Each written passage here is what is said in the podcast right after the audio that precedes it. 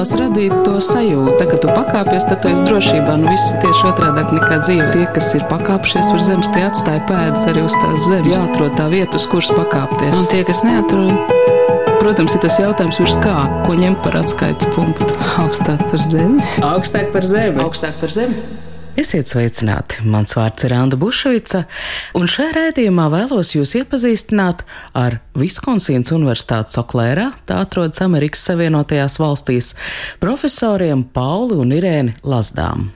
Dzimuši Latvijā, kā daudz latviešu otrā pasaules kara laikā devušies bēgļu gaitās, Paulis Lazda universitātē nostrādājis 47 gadus kā Austrum Eiropas, Baltijas, Krievijas vēstures pasniedzējs, pensionējies tikai nesen, Irēna Lazda savukārt ir valodniece, ilgus gadus studentiem mācījusi vācu valodu, iepazīstinājusi ar Eiropas literatūru.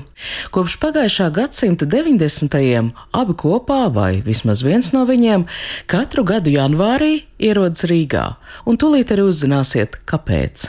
Mūsu labvēle, doktora Galēja, kas ir ziedojusi gandrīz miljonu dolārus, lai izglītotu Latvijas izcilākos jauniešus Te aizsāks stāsts par doktors Ainas Galējas izveidoto stipendiju programmu, kuras kandidāts profesora Lazdas ik gadu dodas uz Latviju izraudzīties personīgi. Medicīnas doktora patoloģa Aina Galēja mūžībā aizgāja 2013. gadā taču neklātienē viņi būs klātesoši mūsu sarunā, jo šis būs stāsts par labas izglītības sniegto iespēju novērtēšanu, par mecenātismu un arī par to kara bēgļu pirmo paudzi, kas savās jaunajās mītnes zemēs bija spiest sākt dzīvi tukšā vietā, gūp panākums un vēlāk ziedoja savus zināšanas pūles, naudas līdzekļus, palīdzot neatkarību atkal atgūšajai Latvijas valstī veidot tās nākotni. Tātad no 1992. gada es rēķinu, tie ir 30, gandrīz nepilni gadi. Šī stipendija ir pastāvējusi, un ikreiz jūs esat tie, kas izvēlas kandidātus. Nu, no sākuma Pauls brauc viens pats, jo man bija citi pienākumi, bērni bija maziņi pirmā gadā, bet tad es piebiedrojos, un viņam palīdzēja um, Edgars Kārīgs no AABS organizēt un to studentu intervijas sarunāt. Un tad 2004. gadā, sākot ar 2004. gadu, tad arī es piebiedrojos. Man arī interesē tas stāsts, kā jūs satikāties ar Ainu Galē, kāpēc tika izvēlēta Viskonsīnas universitāte un jūs iecelt par šīs stipendijas, nu, tiem lēmumu pieņēmējiem. Nu jā, mēs iepazināmies ar doktoru Galēju, jo mēs dzīvojam tādā pat, kā saka, apriņķī. Mēs dzīvojām mūsu pilsētā Oklērā. Dr. Galēja strādāja un dzīvoja Minneapolē, kas ir apmēram 160 km atstutumā. Un tā kā tās Minneapola bija tas sabiedriskais centrs, viņi bija aktīvi sabiedriski vietējā latviešu draudzē, baznīcā, akadēmiskās pasākumos. Viņa bija līdzstrādniece akadēmiskai dzīvei, kas ir uh, izdevums. Viņa atsimēdzot arī sekoja manam darbam. Ja Pauls bija arī pazīstams sabiedrībā, jo viņš jau tad organizēja studiju semestrus Latvijā arī amerikāņu studentiem. Kad lietas mainījās, kad uh, lielā impērija sāka sabrukt, Tad jau es biju uzņēmis kontaktu ar uh, tā saucamo Pēters Cutskas uh, valsts universitāti, kur mēs būtu pirmie, kas sūtītu amerikāņu mūsu studentus studēt vienu semestri Latvijā.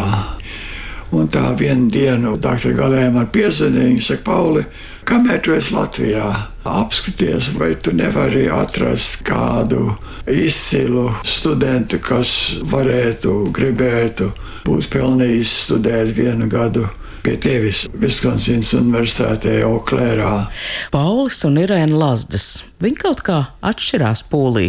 Skaisti cilvēki, bet viņu izskatā var nojaust arī ko citādu. Varbūt ārzemniecisku, bet varbūt arī drīzāk tā ir izglītotu, daudz ar sevi strādājušu cilvēku stāja. Jo īpaši Pauls Lazda labprāt uzņemās būt runas vīrs. Taču mūsu sarunā es izbaudu, cik uzmanīgi Lazdas pamana, ja otrs grib ko teikt, papildina viens otru. No svešienes un vienlaikus savas zemes patrioti. Nav grūti iedomāties, ka tieši šādas personības spēja dibināt kontaktus izglītības jomā 80. un 90. gadu mijā. Tas nebija viegli. Mums pirmo reizi bija simts, kas pieteicās. Lielais vairums nebija sagatavojušies trūka vispār saprāšana par pasauli ārpus Krievijas impērijas robežām. Bet man laimējās, pirmā gadā bija viena Sindija Hartmane. Viņai laimējās ar arī citu palīdzību un stipendijām. Nostudēt veselu četrus gadus, tas bija izņēmums. Otrais kontingents arī bija izņēmums, jo es izmeklēju piecus kandidātus, kā viņi sauc sevi piecīši. Bija ļoti, ļoti sekmīgi, ļoti akadēmiski izcili, bija labi Latvijas vēstnieki. Un tā turpinājās. Tā starp nu, vismaz vienu līdz, līdz četriem, pieciem katru gadu. Ains galējas stipendija dod iespēju vienu gadu, divus semestrus, bez bēdām pilnībā sedzot arī uzturēšanās izdevumus Amerikas Savienotajās valstīs, studēt Viskonsīnas Universitātē Oklērā.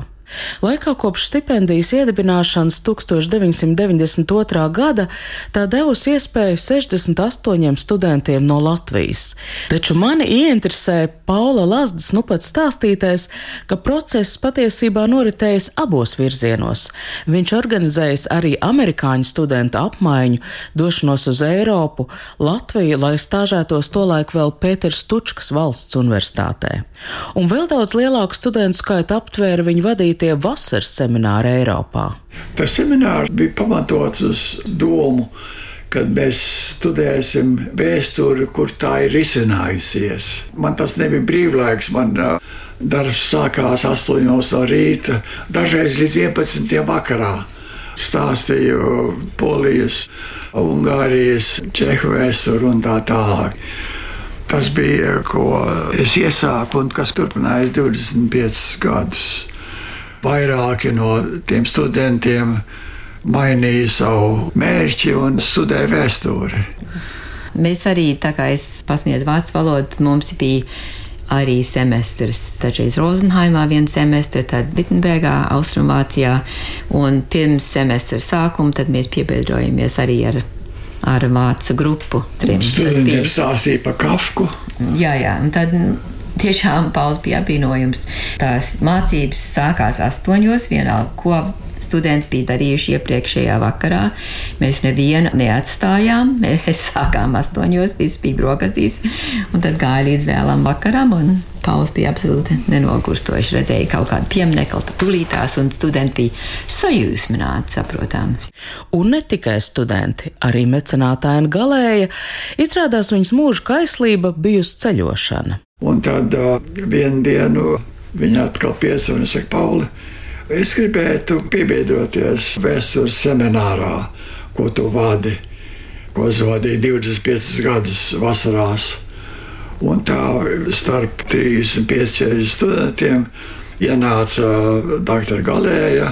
Viņai jau bija pār 80 gadiem. Un izcēlās ar to, ka viņa bija pirmā. Vienalga, kur mēs, mums bija lieli gari pārgājieni Berlīnē. Prāgā, Vīnē, Budapestā, Krakavā, tā tālāk. Viņa bija pirmā. Tad, kad students saka, nu atpūtīsimies, Viņa neatpūtījās. Viņa meklēja kādu vietu, kas viņai interesēja. Viņa bija apbrīnoja studenti, viņiem ļoti iemīļoja. Un, uh, viņi ļoti labi iedarījās. Viņi stāstīja studentiem savas dzīves pieredzes. Studenti uzmanīgi klausījās. Viņa daudz ko deva arī tādā līmenī. Viņa ir devīgs cilvēks. Viņa deva pabalstu, viņa deva arī savu dzīvi cilvēkiem, lai viņi saprastu laikus, kas ir pagājuši. Viņa dzīvoja ļoti, ļoti pieticīgi. Un vienīgais, kur viņi izdeva teiksim, vairāk naudas, ir, ka viņi katru gadu, no tā laika, kad viņi bija apprecējusies, viņi abi katru gadu ceļoja. Viņa bijusi visur, Āfrikas safārī, viņa bijusi Butānā, viņa bijusi visur, visur pasaulē. Viņa arī piebiedrojās mums cienījumā vecumā, uh, studentu seminārā. Teikt, ka viņa arī bija Dienvidpolā. Uzņēmības un drosmes trūkumu nevar pārmest arī Lazdām. Savu pētniecisko interešu vadīts Paulis Lazda bija apmēram sešas reizes ceļojis pa Krieviju, Latviju, tolaik vēl Padomju Savienības sastāvā, pat īsti necerot, ka reiz viss varētu būt savādāk. Latvijas neatkarības atgūšana, kā tā sagriez jūsu dzīves, kā jūs uzņēmāt šo vēstu? Nu, mēs ļoti dedzīgi klausījāmies ziņas pārraidījumus, un tie mums ir ieraksti. Ļoti sekojam līdzi. Nevarējām ticēt, ka kaut kas tāds notiktu. Tad uh, mēs jau bijām agrāk bijuši apmeklējuši Latvijā, Latviju 60 gadu beigās. Un mums jau bija ģimene, tad mēs 89. gadā visi pieci iekāpām mašīnā un braucām. Irēnai bija komandējums, man bija akadēmiskais atvaļinājums. Jā. Un tad, kad tas beidzās, tas bija pirmais gads, 89. gads, kad varēja braukt ar mašīnu. Protams, arī ar ļoti noteiktu virzienu pa ceļiem. Mēs iebraucām no Polijas, un uh, katru 50 km bija varas iestādes, kas apskatīja mūs un palaid mums garām, kā pēc 50 un tā tālāk. Tas nebija viegli, bet tā bija pirmā reize. Bet tā, kad mēs iebraucām maijā, tad tas bija burvīgs mēs moments. Dzirdējām latviešu dziesmas radio. Tas bija tiešām tik aizkustinoši. Bet tad piestājāmies benzīna stacijā dabūt degvielu. Pauls prasīja kaut ko latviešu, un tas cilvēks, kas apkalpoja, teica, ah, jā, Viņi jau tagad lepni palikuši, nerunā mm. krieviski.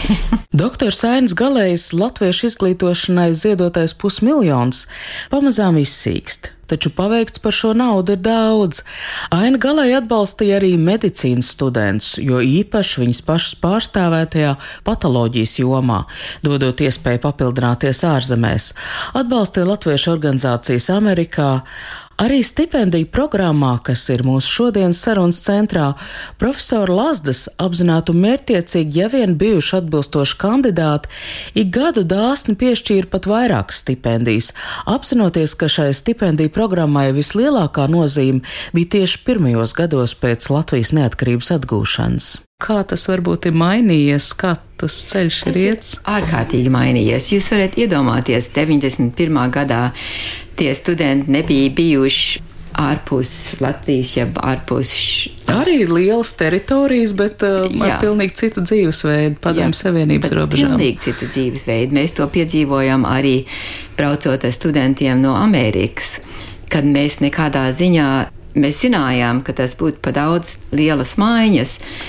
Un viņi nesaprast, viņiem būtu šoks iebraukt no Viskonsīnas, jeb no Amerikas štata Latvijā tajā laikā, kad bija jau vēl padomus savienība knapi beigusies. Un tāpēc pirms semestra sākuma tad Pauls izstrādāja tādu sešu nedēļas braucienu pa Eiropu, lai viņi pierastu vispārīgi pie Eiropas, tie Amerikas studenti.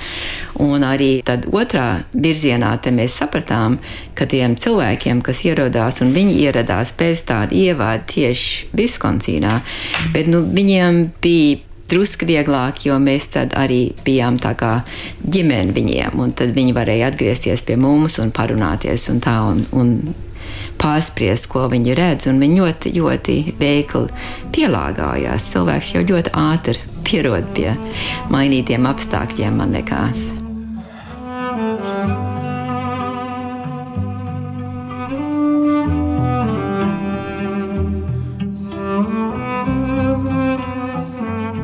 Ains Galējs, Paula un Irēnas Lazdu dzīves stāsti ir īpaši arī ar to, ka viņi paši pieder otrā pasaules kara bēgļu paudzei. Pauls Lazda sarunā vēstures mācīšanu pielīdzina nezināmu zemju atklāšanai. Tad nu es lūdzu savus sarunbiedrus atklāt savus paudzes trimdīšu stāstus. Esam dzimuši Latvijā, un es sevišķi lepnis, ka es nogājis ganos robežos, pie tēva māsas saimniecībā. Tā ir man tāda ļoti svarīga atmiņa un, un atmiņos to ar lielu lepnumu. Es dzimis Sēlijā, Brīžos, pēdējos bērnības gadus pavadīju Malienē. Un tad, kad fronte tuvojās, tad mūsu vecāka aizsūtīja mums tālāk uz rietumiem, uz kurzemi. Un tad uh, viņi izšķirās, kad uh, viņi negribēja piedzīvot otru Krievu okupāciju. Pirmā jau mēs bijām zaudējuši manu tēva, māsas ģimeni un māsīcu. Un uh, tā 44. gada rudenī mēs kāpām uz kuģa, lai dotos nezināmā pasaulē. Sevišķi mazam puikam, sešu gadu vecam, Tas bija kaut kas nepieredzēts, zinām, mērā draudošs. Iebraucām, un vecāks strādāja vienā darba nometnē pie Berlīnes, un tad, kad pārāva fronti, būtiski nakts vidū, mēs nostaigājām no Berlīnes uz Hamburgu. Mūsu ģimene, ieskaitot manu, manu omumu, kas toreiz bija manā vecumā, es brīnos, kā viņi to spēja. Cik jums šobrīd ir eh, gadi? 82.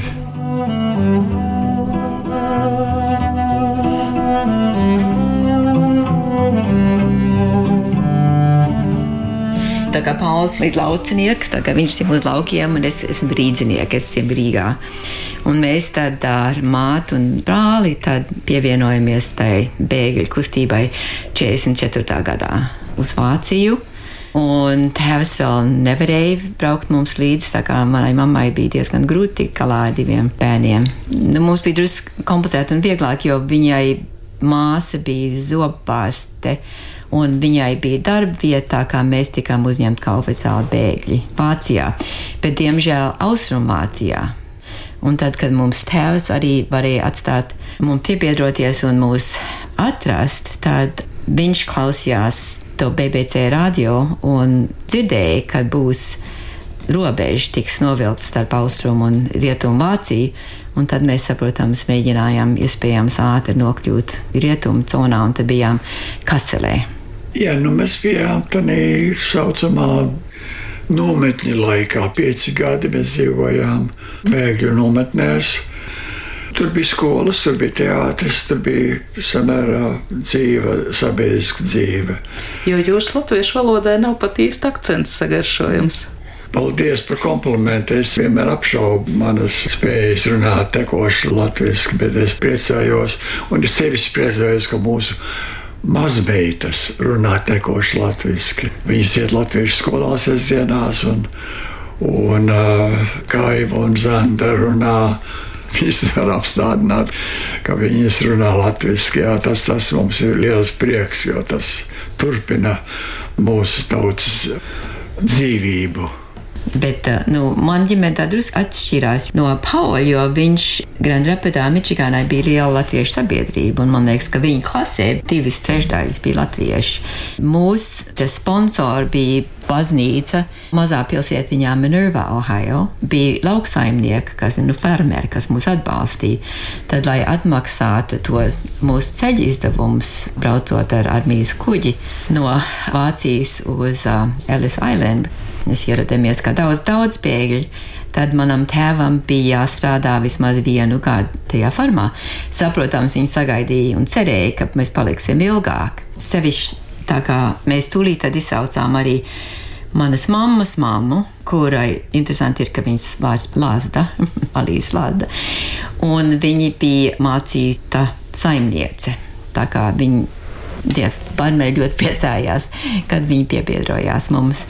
Bet uh, mans tēvs un mamma bija beiguši jurisprudenci, un tas nav pārāk praktiski. Tā kā viņam bija tūlīt, tūlīt nometnēs, jau arī varēja iemācīties visādas amatus, pa kurpnieku braukt ar smago mašīnu, ja visādas lietas, un tad mans tēvs pārmācījās arī uz praktiskiem arodiem, un mana mamma tad strādāja lielāko daļu no savas mūžas gaļas fabrikā.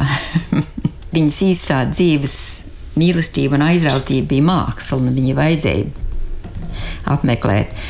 Mākslas akadēmiju un turpināt. Un tad brīvā laikā gleznoju, bet, lai atbalstītu ģimeni, tad viņi strādāja gaļas fabrikā, un mēs arī vasarā tur papildinājām ar brāli.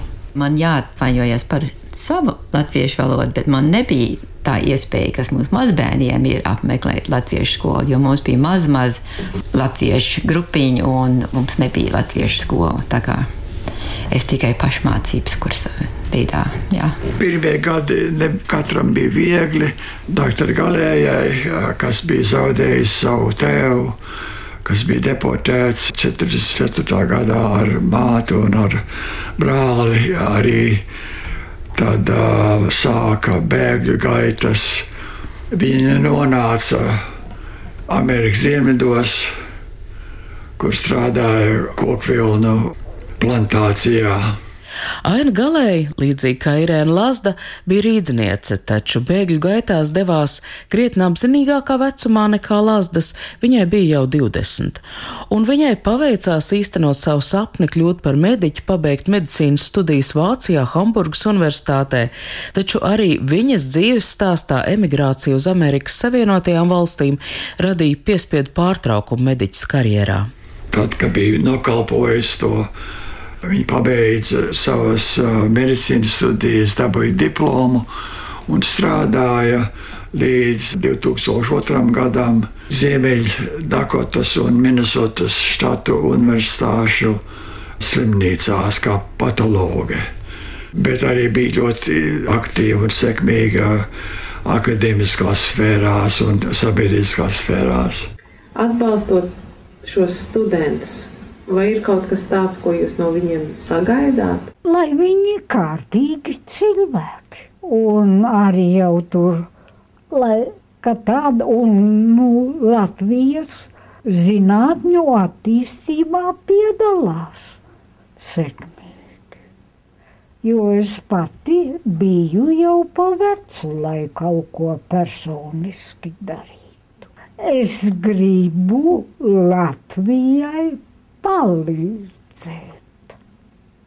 Un vai tad spējīgus cilvēkus, tā, tā ir lieta, labi sagatavot. Tā ir milzīga palīdzība. Nav? Jā. Doktora Aina Galēja Drauniece Latvijā cildināta ar trīzvaigžņu ordeni 2009. gadā, saņēmusi arī Latvijas lepnumu balvu. Projekta Spoken ietvaros 2012. gadā tika filmēta arī intervija ar tobrīd jau 87 gadu vecumu sasniegušo mecenāti, un šie video joprojām ir noskatām internetu YouTube kanālā. Toreiz Ainu Galēja intervēja Ilza Garoza. Pirmo reizi ASV es nonācu 2005. gadā, kā galējas kundzes programmas stipendijāte. Un pēc tam atgriezos arī, lai pabeigtu maģistrantūru 2008. gadā, un tad sanāca gandrīz desmit gadi dzīvot Amerikā uz vietas. Taču es zinu, ka viens no stipendijas mērķiem ir nevis veicināt latviešu iesakņošanos citās zemēs, bet tieši otrādāk. Tāpēc arī viens no nosacījumiem pēc apmaksātā studiju gada stipendijātam noteikti ir jāatgriežas Latvijā. To vienošanos es arī pildīju. Pēc studijām ASV es atgriezos Latvijā, un tad vienkārši bija tā personiskās dzīves situācija, kas mudināja vēl uz laiku braukt uz ASV tas, kā es pamatoju savu atrašanos Amerikā, pat ja es atrados ASV, es strādāju saistībā ar Latviju. Un tā darbība Amerikas Latviešu apvienībā bija tas, kur nu, tas galvenais mērķis ir strādāt Latvijai. Ilza Garoza Latvijā iepriekš bija studējusi žurnālistiku. Maģistra programma, kurā viņa studijas uzsāka ASV kā stipendijāte, bija saistīta ar izglītības vadību. Kas šobrīd ir jūsu profesija? Kā man jūs pieteikt? Kopš mērķtiecīgas atgriešanās Latvijā 2018. gadā es strādāju Norvēģijas tirzniecības kamerā Latvijā. Mēs runājam ar Ilzu Garozu par šo laiku studentu iespējām studēt. Ir taču dažādas programmas, dažādas iespējas. Kāda šobrīd ir mecenāta loma? Ilza Garos saka, ka pirmkārt tā ir gluži cilvēciska pieredze. Piemēram, satiekot mecenātu ainu galēju, redzot, cik pieticīgi ir viņas ikdiena, lai arī vairāk kā 40 darba gados viņa bija uzkrājusi ievērojams naudas līdzekļus un to visu ziedoja dažādiem ar Latviju saistītiem mērķiem. Maza, bet ļoti sīksta kundze sirds silta. Arī no profesora Lazdu ģimenes viņa saņēmusi cilvēcisku atbalstu, iejūtoties svešā vidē. Un, starp citu, Ainas galējas fonda stipendijāti joprojām ik gadu rīko tikšanos, un reizēm pirms 30 gadiem stipendiju saņēmušie izvēlas atbalstīt jaunākos kandidātus. Saprotams, ka tagad pasaule ir atvērta un e, iespējas ir ievērojami lielākas nekā tas bija 90. gados. Privātam mecenātismam ir nozīme ne tikai tajā, ka viņa rada kaut kādas iespēju studēt, bet viņas māca cilvēkus būt pateicīgiem un dot tālāk. Tās mecenātismu tradīcijas kā tādas, tas ir, ko mēs varam, nu, kā sabiedrība šeit vairāk attīstīt. Un tādu programmu esamību es jūtu, nu, ka man ir tās vērtības jādod tālāk, un to es daru, darot brīvprātīgo darbu, savu iespēju robežās, finansiāli atbalstot dažādas sabiedriskas organizācijas un labdarības mērķus. Un tas varbūt ir, kur privātais mecenātisms vēl joprojām ir svarīgs. Ainas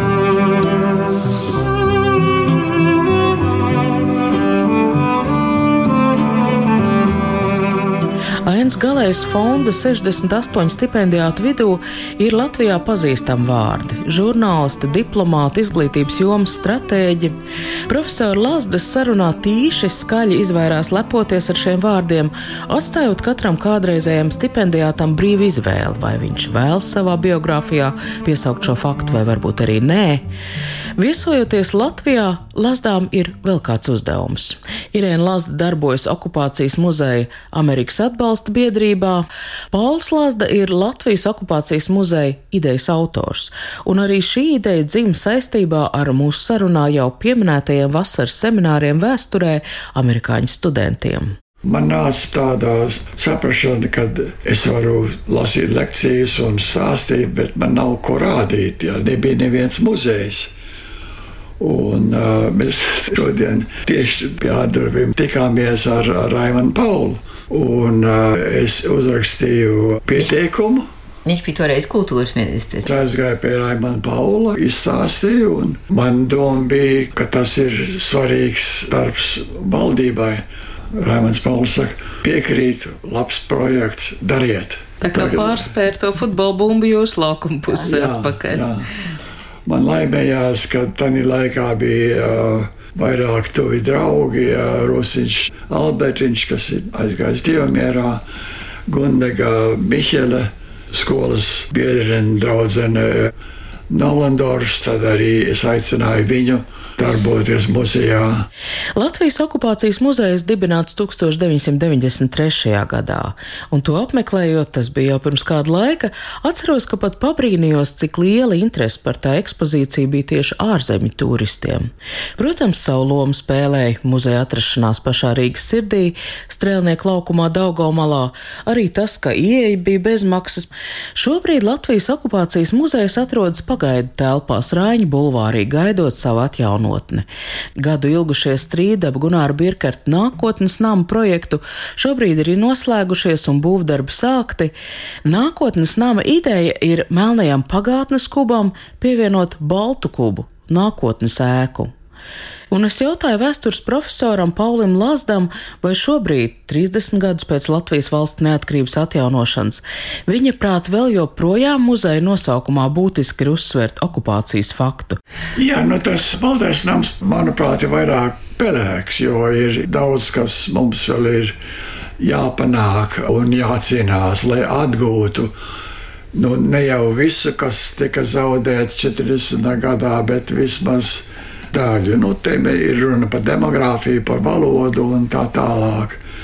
Tā kā jā, tas okupācijas muzeja nosaukums turpinās, jo daudzi no okupācijas politikas un, un zaudējumiem vēl nav atgūti.